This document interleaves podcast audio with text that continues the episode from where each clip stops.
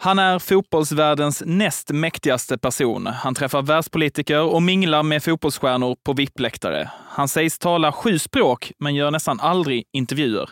Han är svensk, men det är nästan omöjligt att ta reda på vem han egentligen är. Han heter Mattias Gravström och det här är Expressen Fotboll med mig Filip Gadd, Noah Bachner och Petter Landén.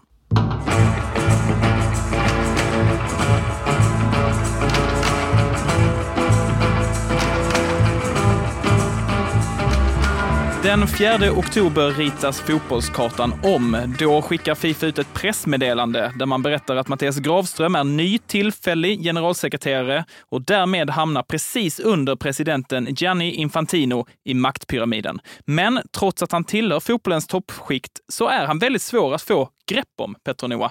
Hur stort mysterium är Mattias Gravström egentligen? Alltså för oss svenskar är det ju eh, anmärkningsvärt att en svensk person har den här maktpositionen och samtidigt inte har någon offentlig roll i Sverige riktigt. Om Nej, man jämför är- med andra svenskar som är högt uppsatta inom stora internationella organ så är ju Mattias Gravström fortfarande väldigt okänd för den breda massan. Det är inte ett namn som jag tror Totalt okänt. de flesta tar, tar inte namnet liksom, eller associerar honom med den här Nej. positionen. Eh, och det, ju, det finns ju vissa orsaker till det som vi kommer in på, men nej, han är fortfarande en eh, eh, inte speciellt kartlagd person. Nej, jag tycker alltså det pressmeddelandet som du hänvisar till är väldigt så här, talande för eh, vad ska man säga, vem Granström är eller hans roll i det hela. Att det är ett ganska långt pressmeddelande eh, från Fifa Council takes key decisions on Fifa World Cup editions in 2030 and 2034. Så het, eh, det är liksom rubriken på pressmeddelandet. Sen är det ju det här att de ska spela eh, fotbolls på alla kontinenter utom Antarktis. Eh, väldigt, väldigt, väldigt mycket annat. Och sen bara längst ner, med en pytteliten utgång, new appointment. Mm. Och där dyker han upp och det är, liksom, det är ingen skitroll han får. Han blir inte andre vice kassör, utan han, han får den näst högsta positionen i världens största fotbollsorganisation. Och det är, det, är där han, det är där vi hittar honom. Man måste liksom leta för att hitta honom. Och vi har samlats här idag för att eh, berätta lite om eh, Mattias eh, Gravström och vem han egentligen är eftersom att han är Kan så inte högt upp. prata som en präst. Ja men, ja, men det är en högtidlig stund där, för vi Ja. pratar ändå om en av fotbollsvärldens mest mäktigaste personer. Men när man försöker ta fram hårdfakta om honom så eh, hittar man inte speciellt mycket.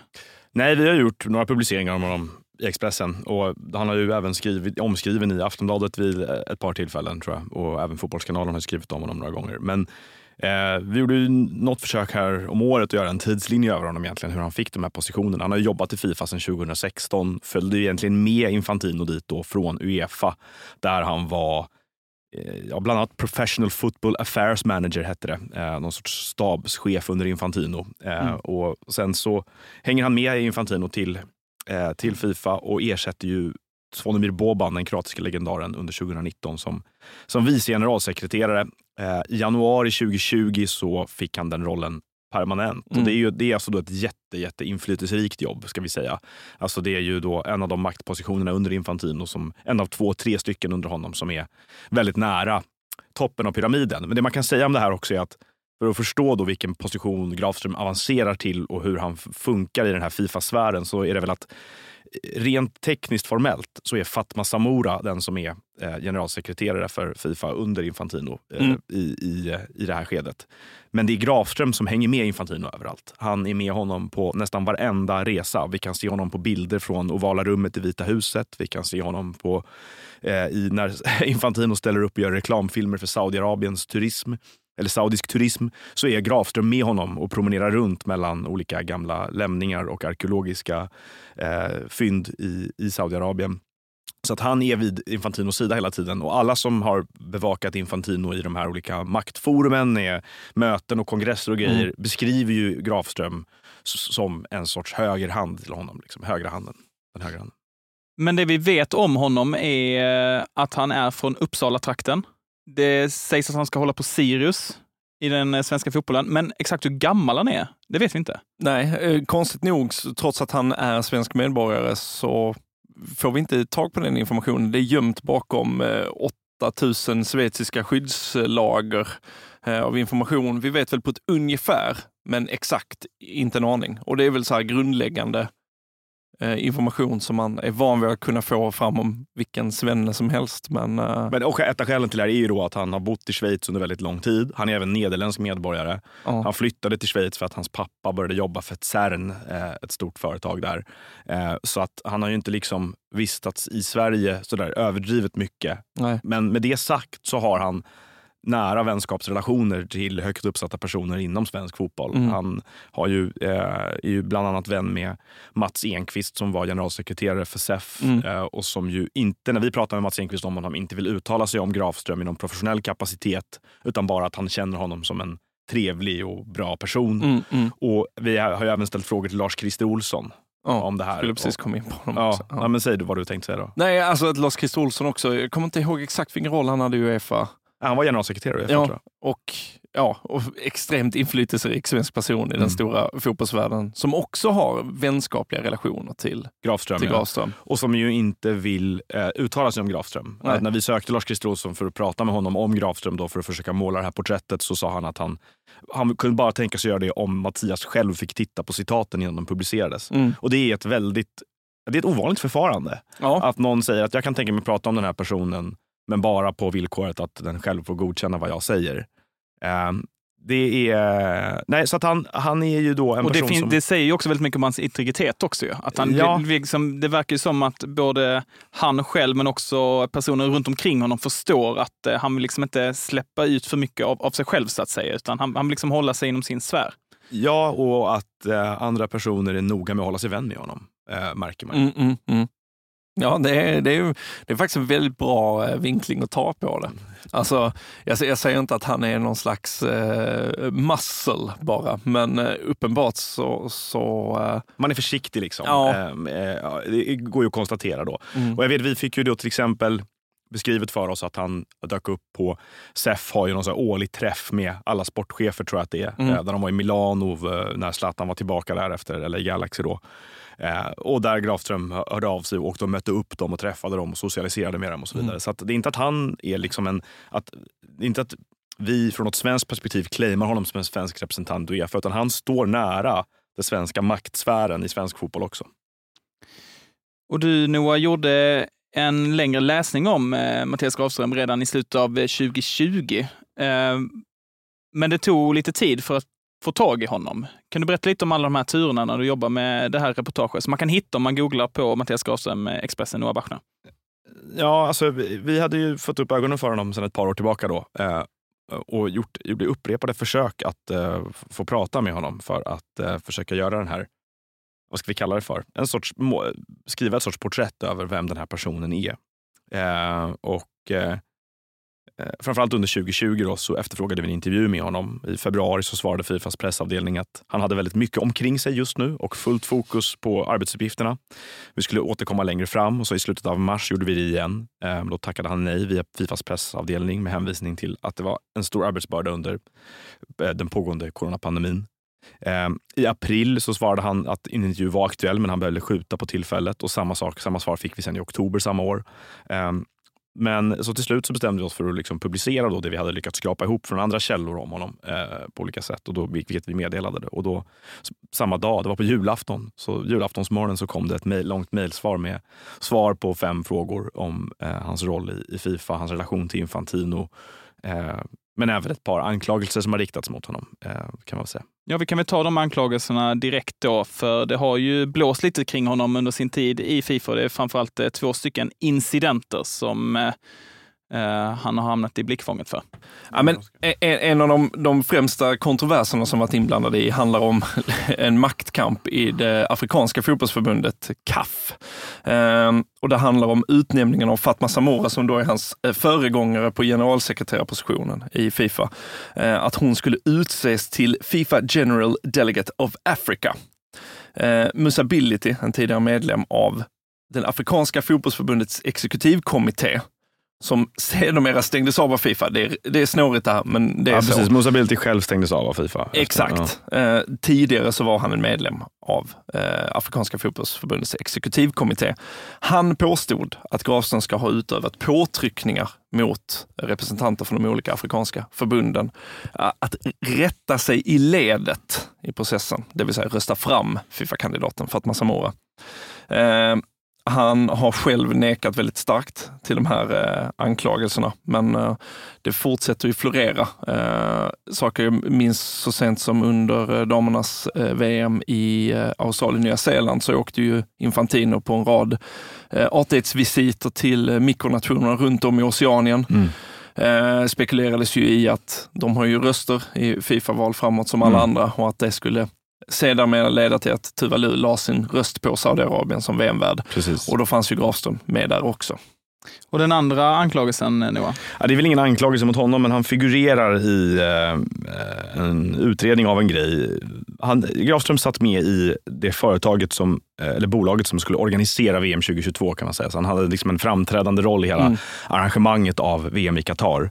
Eh, och eh, eh, rätt tidigt i han och Infantinos eh, Eh, liksom period i, i Fifa, då, så, eller i augusti var det, 2019, så var det uppgifter som spreds av flera internationella medier, eller eh, uppmärksammades av flera internationella medier, eh, däribland Sunday Times och Der Spiegel och norska VG, om en bonus på 100 miljoner dollar som skulle betalas ut från tv-kanalen Bein Sports till Fifa om Qatar tilldelades eh, fotbolls-VM.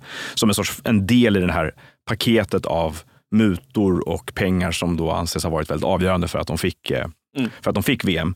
Eh, och det här avtalet är undertecknat av eh, PSG-bossen Nasser Al-Khelaifi som ju även har olika andra framträdande positioner inom europeisk och eh, qatarisk och internationell fotboll.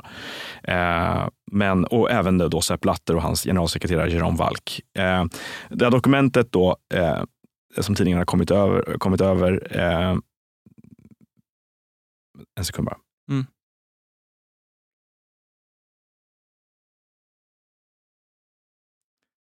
Det, det här dokumentet då, det hamnar sen i en mejlkonversation mellan Grafström och Infantino där de försöker ta reda på det här. Eh, vad, hur det egentligen ligger till med de här pengarna. Och eh, i den mejlkonversationen som, som följer så kan Grafström med hjälp av en FIFA- FIFA-advokat bekräfta att det här avtalet finns. De ser att ja, men så här har det gått till. Mm. Och, eh, problemet som uppmärksammas efter det här då är att här ser då Fifas eh, president och en av hans närmsta, Närmsta medarbetare, närmsta bundsförvanter, en av de högsta ledarna, att det här avtalet existerar. Det vill säga, det finns ett utlovad betalning från eh, Sports till Fifa på väldigt mycket pengar om Qatar tilldelas VM. Mm. Men de följer aldrig upp det. Alltså de gör aldrig någonting åt det, utan de bekräftar i interna, eh, intern kommunikation att ja, så här ligger det till. Men det händer aldrig någonting därefter. Och det här ställde vi frågor om till Mm. Grafström om också. Att liksom varför, jag menar, hur många sådana här saker kan uppdagas utan att man ifrågasätter om Qatar överhuvudtaget skulle behålla värdskapet för VM. Mm. Det har fortfarande tre år kvar tills det skulle spelas. Ehm, och eh, Grafström svarar då att han, han tycker att avtalet innehåller en normal klausul. Alltså att det, eh, det finns inga bevis för oegentligheter, säger han, att när Qatar tilldelades VM 2022. Eh, han, han poängterar även att tv-avtalet tecknades innan han och Infantino kom till Fifa. Eh, och, och menar då att det mycket riktigt fanns den här bonusen i det här kontraktet. Eh, men att eh, Qatars eh, värdskap för VM hade undersökts grundligt, både internt och externt, utan bevis på oegentligheter, trots att det har gått tio år. Eh, och eh, han hänvisar även till den här så kallade Garcia-rapporten. Så att han, han slår ifrån sig helt enkelt att, att det skulle vara något problem. Och det var ju en av anledningarna till att eh, du sökte honom, eh, Noah, och fick tag i honom då till slut på julafton. I den här eh, långa texten finns det många fina nuggets som jag tycker att man kan ta med sig som speglar Mattias Grafströms liv. En av dem är den här jippomatchen som Gianni Infantino själv drar ihop i Schweiz i juli 2017. Vad var det Mm. för någonting? I, eh, den spelas väl i Brigg, va? tror jag. Som Jajamän. är den lilla staden där Sepp Blatter kommer ifrån. Eh, eh, men, eh, och nära Zug, där Infantino numera har bosatt sig, tror jag också. Men det är ju såklart bara en slump att matchen spelas där. Precis. Eh, nej, och det är ju då roliga laguppställningar för att det är en massa liksom, legendarer. Allt från Clarence Seedorf till Luis Figo till ja, eh, den ena efter den andra. Toldo står i mål. Ja, kan, kan, Gamle jag, Ronaldo va? kan, kan, Gamle jag få Ronaldo. dra, kan jag få dra startuppställningen för laget World Legends då? Kör. Eh, Jag drar några då i alla fall. Då har du Dida i mål, Mm. nummer ett. Eh, Vi hittar... eh, Men jag kände idag för den här usla filmningen mot Celtic. Va? Eh, när han skulle fått en, någonting i huvudet. Ja. bara. Ja. Okej. Eh, I anfallet då så eh, har vi Ronaldo, den riktiga Ronaldo, måste man Mm. alltid lägga till. Diego Armando Maradona, Svonimir Boban, Clarence Seedorf, Jisung Park. Ja. Eh, I eh, försvarslinjen hittar vi nummer nio, Gianni Infantino. och i någon slags, ja, det är liksom en luddig roll här, för de har, de har lagt upp målvakter och så inom parentes goalkeepers då. Och sen så kommer det ett block med försvarare och ett block då med mittfältare och anfallare. Men mellan målvakterna och försvararna så hittar man liksom en egen kategori. Nummer ett, Mattias Borg Grafström. Ja. Är han libero då? Eller vad, han? oklart. Och, och han, för man, det finns ju bilder på honom när han spelar. Han är ju utespelare ser Ja. man. Han har ju blå väst i ena laget här. Liksom. Eh, men Borg med stora bokstäver också. Ja, alltså, det är som att Borg är liksom, det är, det är som att det är hans gamernamn lite grann. typ. Ja, jag tänkte också på det, eller om det är en förkortning. Att liksom B-O-R-G, ja, liksom eh, brutal organizer, ruthless guy. Gra, Urutesgrafen. Ja. Eh, ja, nej men eh, exakt. Den där, men hela den här turneringen, är, ju- laguppställningen är ju den är mer avslöjande för Infantino, för han är med i alla lag av nummer nio Ja. själv. Eh, vilket är, Jag har tänkt väldigt mycket på hur det schweiziska laget, hur de får pisk när det är liksom deras bästa spelare är Stefan Chopse, Pascal Superbuller och NHL-spelaren Nico Hischier. Ja, de exakt, har- för det här är någon slags trelagsturnering då, med, där Schweiz är ett lag, Italien är ett lag och sen finns det det här World, World Legends-laget. Legends. Ja, World Legends och, har och Infantino spelar den här klassiska träningsövningen att du med orange väst är med anfallande lag. Ja, det känns som Infantino tog den. där. Jag kan ta den. Ja. Jag kan ta den. nej, vi kan ju också observera det faktum att Infantino inte är med i Schweiz laguppställning här. För det är han väl inte? Jo, det är han visst det. Han är är nummer nio också. Han är Ja, med i alla lag. han ju. Ja, Han men är jag med i visste alla det. lag och han har nummer nio i alla lag också. Just det, han dubblar nummer nio där. Ja, men vad bra. Eh, Borg Grafström kom bara med i World Legends. Ja, Ja, Du har inget Schweiz att göra grabben. Nej, nej. petad från Italien. Men det här, det här säger också en del om vilken, eh, vilken roll och vilken position han har inom eh, världsfotbollen han får hänga med på den här Ja, jag menar. Fatma Samora är inte med i de här lagen. Så att, Ja. eh, uppenbarligen är, är han ju, eh, har han ju varit väldigt nära. Det medger han ju också. Han säger själv i den här intervjun vi gjorde med honom då att hans arbetsrelation med Infantino är oerhört nära och att de kommer väldigt bra överens. Välkommen till Coolbet där spänningen aldrig tar slut och underhållningen står i centrum. Här får du inte bara Sveriges bästa fotbollsodds. Du får också en spelupplevelse som är rättvis, transparent och framförallt rolig. För oss handlar det om mer än bara spel. Det handlar om att ta en paus, att våga chansa och att kanske vinna stort. Det oväntade gör varje ögonblick unikt. För dig över 18 år, stödlinjen.se.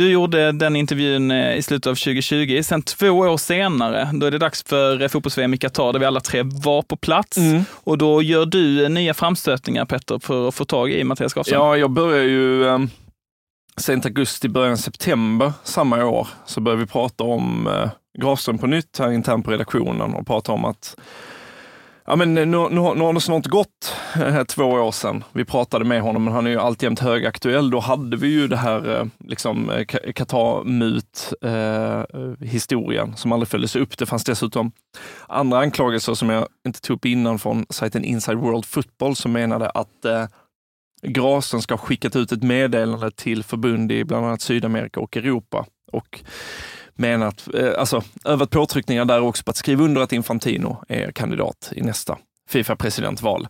Eh, så det fanns mycket att ta. Eh, jag hör av mig med ett enkelt mejl och bara frågar om vi inte kan få till en intervju inför VM.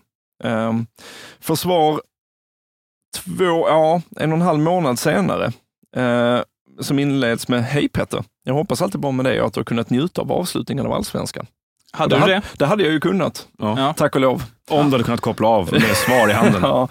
Ehm, och då är det väldigt mycket som, som är återkommande i, i den korrespondens man har med Grasen, för att han, han, han går ju att få tag på på Ja, mail. ja, exakt. Det ska vi ju förtydliga. Alltså, det är inte att den, att den är helt oanträffbar. Det är bara Nej. att det är svårt att komma till själva intervjutillfället. Exakt, tiden. exakt. Det är som att han hela tiden håller en lite på halster. Eh, att han säger att jag vill be om ursäkt för det sena svaret, jag har rest och jobbat väldigt mycket, men kanske får vi möjligheten att träffas nästa gång jag kommer till Sverige istället, så vi har mer tid att pratas vid. Och det är ju väldigt trevligt, Mm. liksom inbjudan. Ja, jag Ja, framförallt är det ju sensationellt med, alltså med en eh, spelare så högt i, i fotbollsvärlden som Ja. erbjuder sig att bara ses i Sverige. Exakt. Jag vill fråga allt om vilken position du hade för World Legends. Ja, jag vill egentligen. veta om den här libero-positionen, Ja, för den verkar väldigt luddig. Jag svarar direkt att eh, ja, men, eh, jag ses jättegärna i Stockholm, men nu befinner jag mig snart i Doha.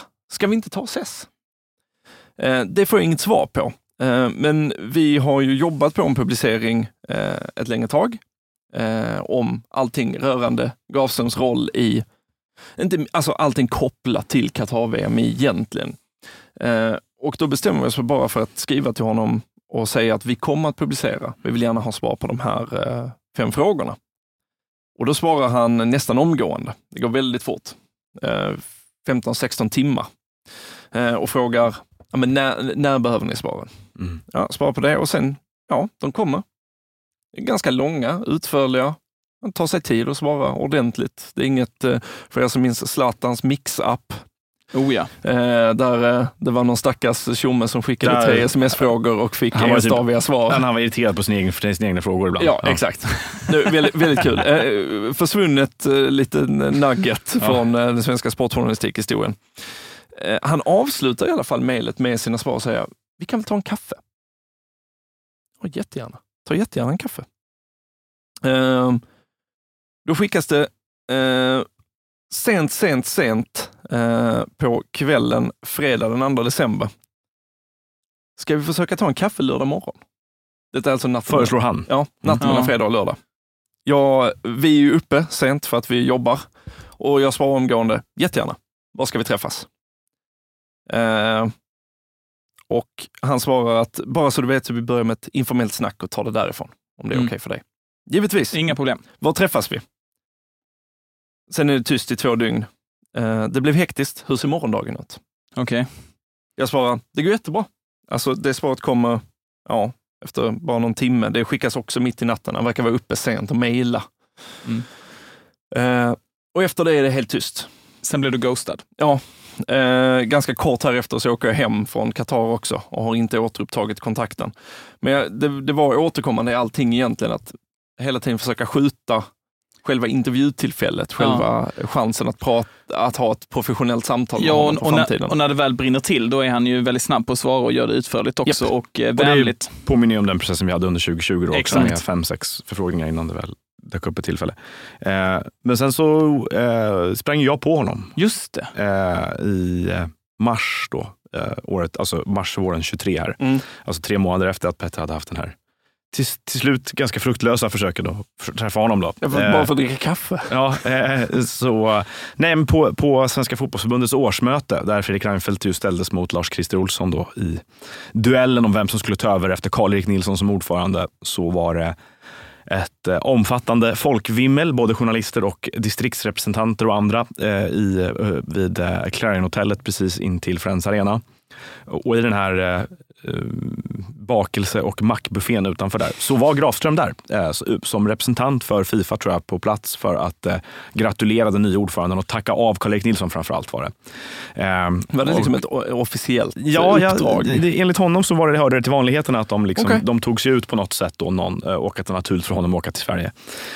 Um, därför jag eh, gick fram och pratade lite med honom Mm. då, ehm, i och med att jag kände honom där. Och jag minns inte exakt vad vi sa till varandra. Det var ju ingen officiell intervju på det sättet. eh, men eh, återigen eh, framförde önskemålet om att få prata med honom på det Mm. sättet och ställa följdfrågor, vilket är det vi inte har fått göra. Det vill säga, det är ju liksom en sån här, oftast mest intressant för oss, men Mm. för läsare kan också eh, tror jag, och lyssnare, att det är rätt stor skillnad på att bara ställa frågor till någon och få ett svar tillbaka och inte möjligt att följa upp det. Därför Mm, att mm. eh, det är ju ifrågasättandet av svaren som blir ansvarsutkrävande till slut. Då. Och där har vi, dit har vi inte kommit med honom någon Nej. gång ännu. Och just med Eh. de här mejlsvaren också så blir det också väldigt långt och krångligt också. Att man på något sätt, det blir oftast ett icke-svar av väldigt mycket för att det liksom, där, där äger ju den som blir intervjuad situationen väldigt mycket Precis. och kan liksom eh, diktera hur, hur den här historien ser ut i Ja, slutändan. Bland annat har ju Grafström svarat till oss att det som är så bra efter att Infantino kom in är att Fifa nu drivs efter good governance-principer. Och det skulle gå att ifrågasätta på tio olika sätt. Mm, Att det mm. finns ju väldigt tydliga exempel på att man kan tycka att de inte gör det. Då.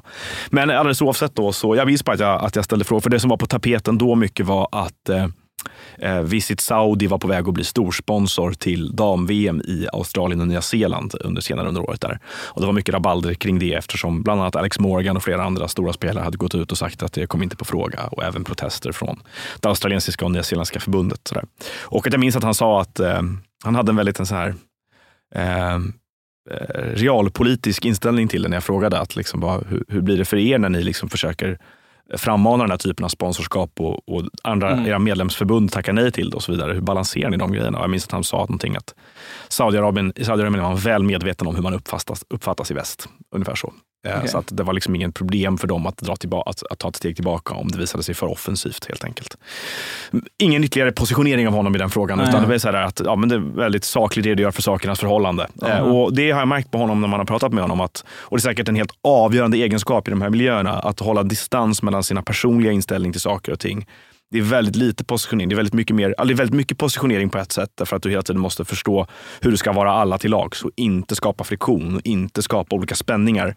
Eh, men däremot, och det är ju en positionering i sig, men det är ingen positionering utifrån någon princip själv eller att eh, Fifa ska stå för någonting. Utan Nej, nej. Fifa är en otroligt rörlig, liksom, eh, vad ska man kalla det för? Vi- En vig organisation. Ja. Liksom. Mm. Agil heter det på företagssvenska. tror jag. Ja, exakt. Republicans buy sneakers too eh, Exakt. är väl eh, egentligen principen att gå efter. Så Nu- nu- förlåt, förlåt TV4 Nyhetsmorgon-perspektivet att diskutera Jan Björklunds skägg istället för hans politik. Men när du träffade honom, vi, det här är en genuin fråga, vi Ja, som har ja, liksom försökt han? få tag på honom. Ja, men hur, var, hur låter hans röst? Eh, han, han, eh, man hör att han, att han eh, alltså det är, det är en korrekt formulerad person. Alltså på samma sätt i sina mejl egentligen.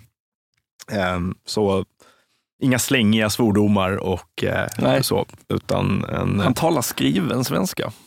Eh, precis, Ja. ganska mycket så. Men- Men det är ju som när, du, när man träffar folk som jobbar på Radiosporten till exempel. Ja. De pratar ju alltid i fullständiga meningar och man skulle kunna skriva ut dem exakt och det skulle se perfekt ut och bara kunna lägga in i en bok. Så Li- är det kanske med Mattias Karlsson också. Lite, eh, lite mer åt det hållet, ja. Lite mer ljudbokskänsla. Ja. Alltså att det är nästan en melodi i det de säger, men man vet aldrig hur det kommer sluta. Nej.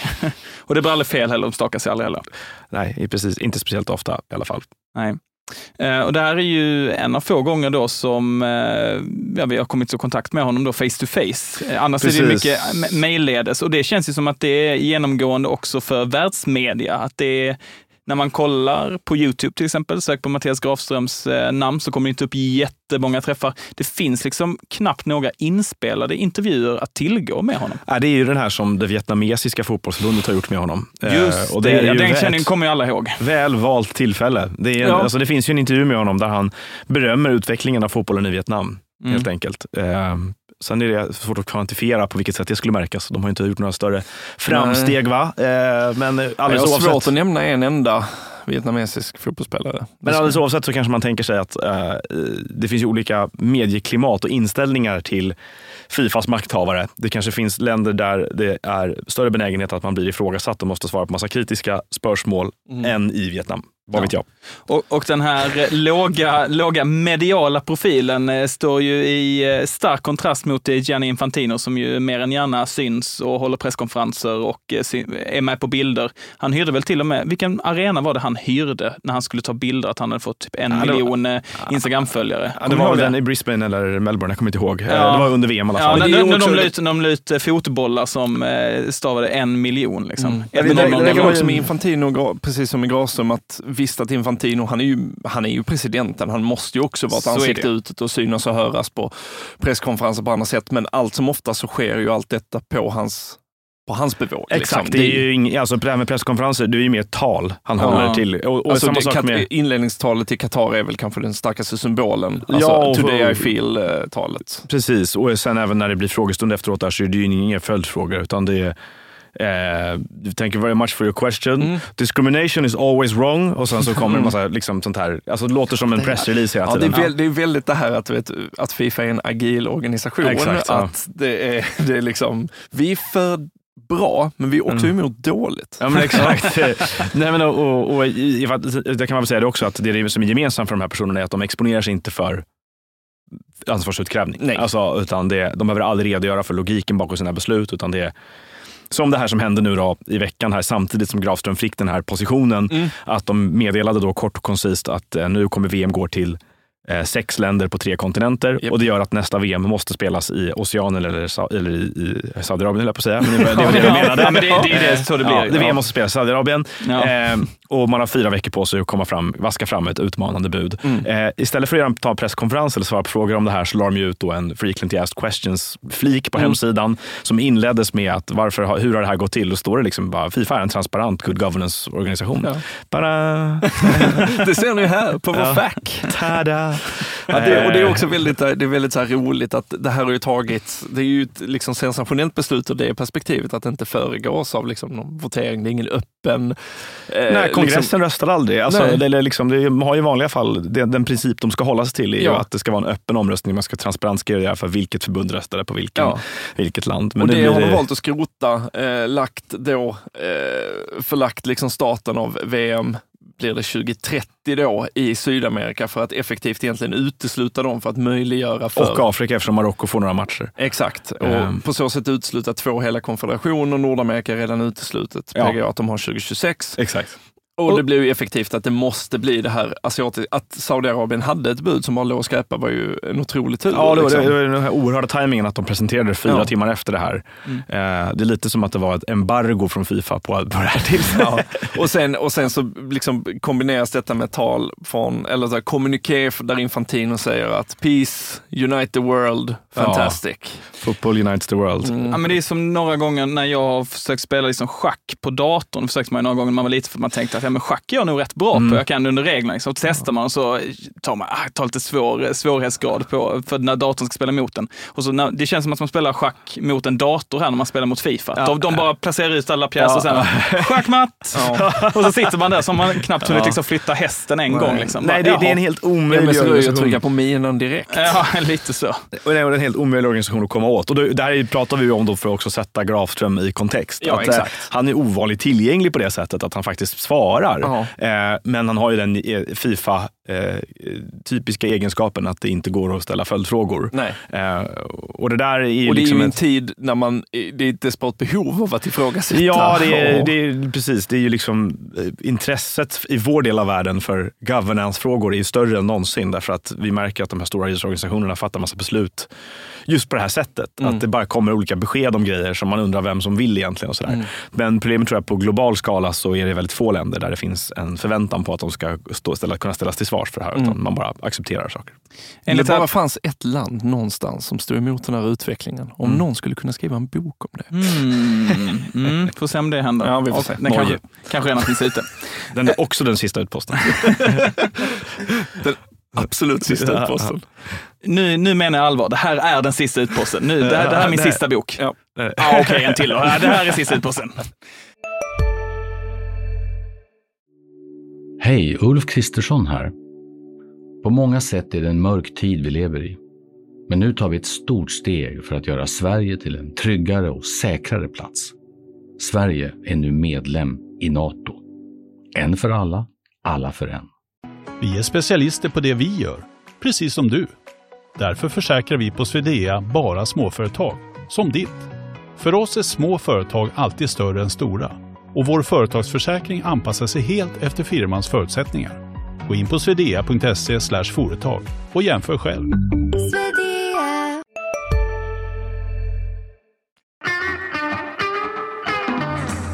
Eh, Mattias Gravström är tillfällig generalsekreterare kan vi läsa i det här pressmeddelandet. Han är liksom tillförordnad än så länge. Ja. Skulle han kunna bli permanent? Ja, det tror jag nog. Alltså det, det är nog den, jag skulle vilja påstå att utifrån verkar det vara Infantinos viktigaste person i, i Fifa. Eh, efter att Putin försvann från Infantinos sfär så är det ju hans viktigaste person. Så att, I och med att han är det, att, alltså att han står så nära honom, så känns det som rätt naturligt att han behåller över tid en så framträdande position. Därför att jag tror ju att Fatma Samora var en pliktskyldig lösning kanske. Att mm. Det verkar ju som att Grafström har varit den som har ackompanjerat Infantino genom allt det här. Eh, mm. Inte Fatma Samora. Och det Fatma så... Samora kommer ju lämna Fifa i december. Ja, och ja. det har också det, det har också det skett har de på ett sagt heller. Ja, de har inte sagt heller varför eller vad, vad, som händer Nej, hon har bara eller. börjat simma ur bild. Liksom. Ja, exakt. Det är ju så. Kamora, du simmar ur bild. um, Och det har vi sett också, alltså, det gäller inte bara för Fifa utan även för Svenska Fotbollförbundet också, att eh, alltså president eller ordförande och generalsekreterare sitter ju väldigt tajt ihop. Ju. Det är bara att kolla nu när Fredrik Reinfeldt blev ordförande i SVFF, då var det ju rätt naturligt att även generalsekreteraren skulle skulle rekryteras på nytt också för mm. att det är ett väldigt tajt team. Liksom, mm. Att de jobbar väldigt tajt ihop. Liksom. Mm. Ja, men så är det ju. Det är, och, och, det är den viktigaste personen för ordföranden helt enkelt. Liksom. Det är Infantino ute och representerar och, och Grafström verkar göra mycket av det politiska jobbet mm. åt honom i bakgrunden. Så känslan är att eh, så länge Gianni Infantino är Fifa-president så kommer vi ha Mattias Grafström eh, med i maktens allra högsta topp. Absolut. Och hur länge har vi Gianni Infantino i Får han bestämma Makten. tror jag att han sitter kvar i 30 år till. Men eh, det, de har ju gjort om, alltså de gjorde ju, gjorde ju om han gjorde ju om räkenskaperna för det där. Egentligen får man Ja, ju sitta just det. i, i tre mandatperioder. Ja. Eh, Men han strök ju sin första. På För att han var lite interim, eller hur var det? Ja, han tog ju över efter att Blatter hade störtdykt med Ja. näsan före rakt ner i marken där 2015. Just det. Så att hans officiella start blir ju då, enligt honom själv, då 2019 tror jag, när han Mm. väljs om. Precis. Om jag inte minns För fel. nu är han inne på sin second term. Exakt, och Ja. den började då i år här i våras Ja. eh, från 2023 till fyra års perioder. Så han kan sitta till, ja vad är det, 2030 eller något sånt där. tror Ja, precis. Mm. Ja, och där, tills dess hinner han ju kanske hitta på 2031. någon, någon annan lucka också i systemet ju, som kanske gör att han kan Nej, sitta men, länge. ja, men det är lite som, eh, som de håller på med nu i IOK också. Att eh, Thomas Bach som är Mm. eh, olympiska idrottens Infantino eh, Ja. har ju börjat rucka på reglerna också nu och blivit, fått ju eh, väldigt mycket gensvar för sin, sin fundering på om man skulle kunna göra om det där lite grann. Så Mm. att eh, han kan sitta väldigt mycket längre också. Det Mm. påminner om hur auktoritära ledare brukar göra. Tack för idag. Tack vi, vi hoppas att eh, ni fick en eh, lite bättre bild av vem denne Mattias Grafström är och Expressen Fotboll är tillbaka med ett nytt avsnitt snart igen. Vi hörs då. Hej!